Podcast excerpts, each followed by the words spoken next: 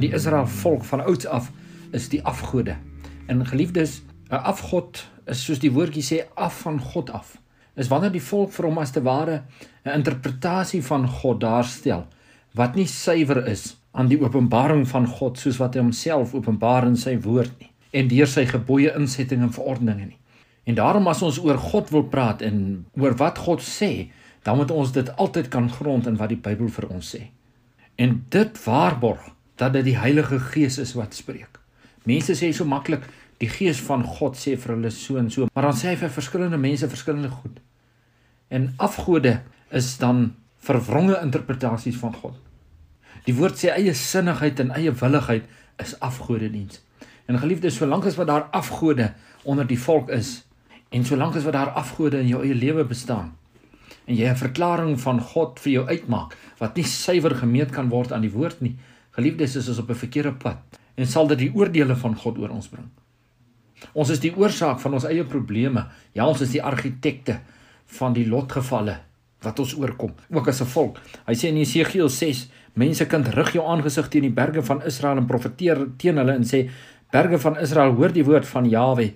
So sê Jawe, kyk ek bring 'n swaard oor julle en ek sal julle hoogtes vernietig en julle altare sal verwoes en julle sonpilare verbreek word en ek sal die wat uit julle verslaan is neerwerp voor julle drekgode en ek sal die lyke van die kinders van Israel voor hulle drekgode werp en julle beendere rondom julle altare strooi.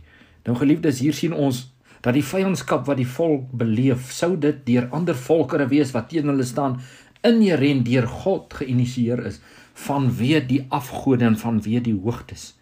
Hy sê van daar bring ek 'n swaard oor hulle. En die beeld wat hy hier uitdra is die lyke wat rondom die altare lê en rondom hulle afgode wat hulle vir hulle geskep het.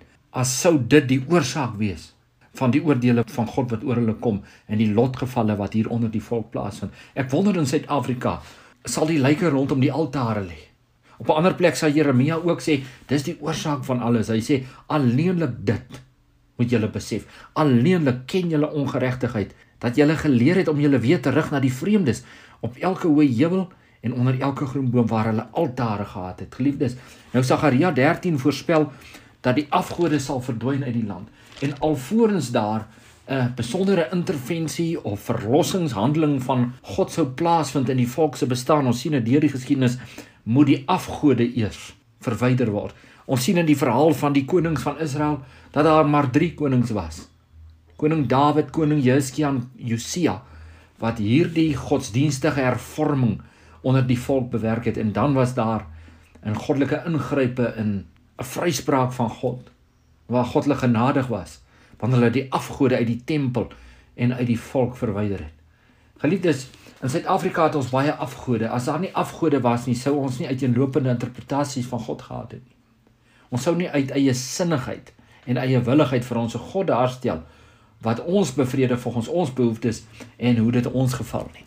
En dis die probleem selfs binne die gemeente, geliefdes, binne 'n suiwere aanbiddingsruimte moet ons ook waak teen die afgode. Paulus sê so mooi, vlug vir die afgode, waak daarteen. Hy gaan so ver om te sê, pas op dat wanneer jy hulle offer en wanneer jy die verbondsmaal gebruik, dat jy nie aan die duiwels offer nie. Hy sê dit vir die gemeente in Korinte.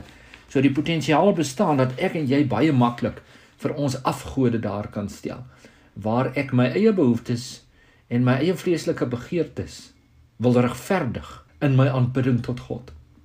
En Jawe moet ons help dat ons van die afgode verlos sal word, want die afgode, soos Esegiel 6 sê, bring die oordeele van God oor ons. Die apostel Paulus gaan dan verder om te sê: "Maak dood julle lede wat op die aarde is, die vleeslike begeertes wat tog so 'n sterk drang in ons almal is, sodat ons Jawe nie in gees en in waarheid aanbid nie." God sê hy soek mense wat hom in gees en in waarheid aanbid. Dit wil voorkom asof hulle min is. En dan tereg soos wat Sefanja sê, die wat die offerande van Jawe sal bring, hierdie verstrooide gemeente, sal 'n klein en geringe volkie wees wat by die naam van Jawe skuilings soek.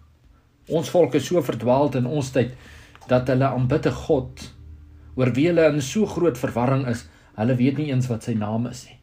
Wanneer God hom aan sy volk openbaar en alvorens hy met hulle pad sou stap onder leiding van Moses uit Egipte land waar die volk magtige wonders deur die hand van Jahwe sou sien plaasvind, maak hy homself bekend by wyse van sy naam. En dan gee hy vir die volk baie vaste riglyne waar volgens hulle hom moes dien, gebooie, insettinge en verordeninge en solank as wat die volk binne daardie riglyne soos wat jy op 'n pad ry en daar's geel strepe waar binne jy moet bly 'n wit streep waar jy nie moet oorgaan nie dan behoort jy jou eindbestemming te bereik en behoort jy veilig daar te kom. Maar as jy die padreëls ignoreer moenie verwag dat God jou gaan begelei en dat jy met goeie gevolg sal uitkom waar jy wil uitkom nie. En dit is ook in ons tyd ons volk se probleem. Ons moet kom by 'n punt soos die profeet sê dit sal weer so wees dat hulle sal vra na die regverdige verordeninge van God. Hulle vir God sal sê, gee vir ons die reëls, wys vir ons hoe dit werk. Alvorens u betrokke is. God is nie sommer net betrokke nie. God is nie sommer maar net die een wat nou maar altyd waak en die een wat nou altyd maar daar moet wees en altyd moet uithelp nie. Nee geliefdes, God is volgens 'n voorskrif betrokke. En die voorskrif is in die skrif. En dit is vir my tragies dat mense nie meer 'n behaag vind in wat die woord vir ons sê nie. Mense ag nie meer die Bybel nie. In ons volk en binne die Christendom is het hulle al soveel vertalings van die skrif en hom so afgewater en deur die vertalings anders vertaal soos dit die mens behaag in die liberale denkwyse van die tyd dat dit nie meer waarlik die woord van God is wat geld nie.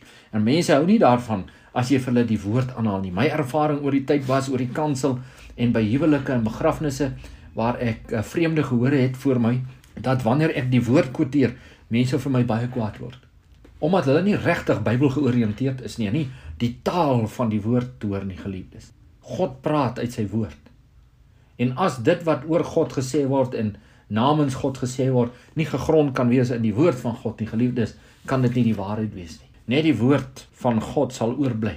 Die profetiese woord sê heuwels mag wankel en berge wegsink in die diepte van die see, maar die woord van God sal vir ewig bly. En as ek en jy aan die woord van God verbind is, het ons ook 'n kans, soos die profeet sê, miskien sal ons ook verborge bly.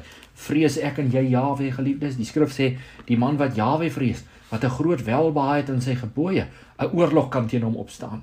Hy hoef nie te vrees nie.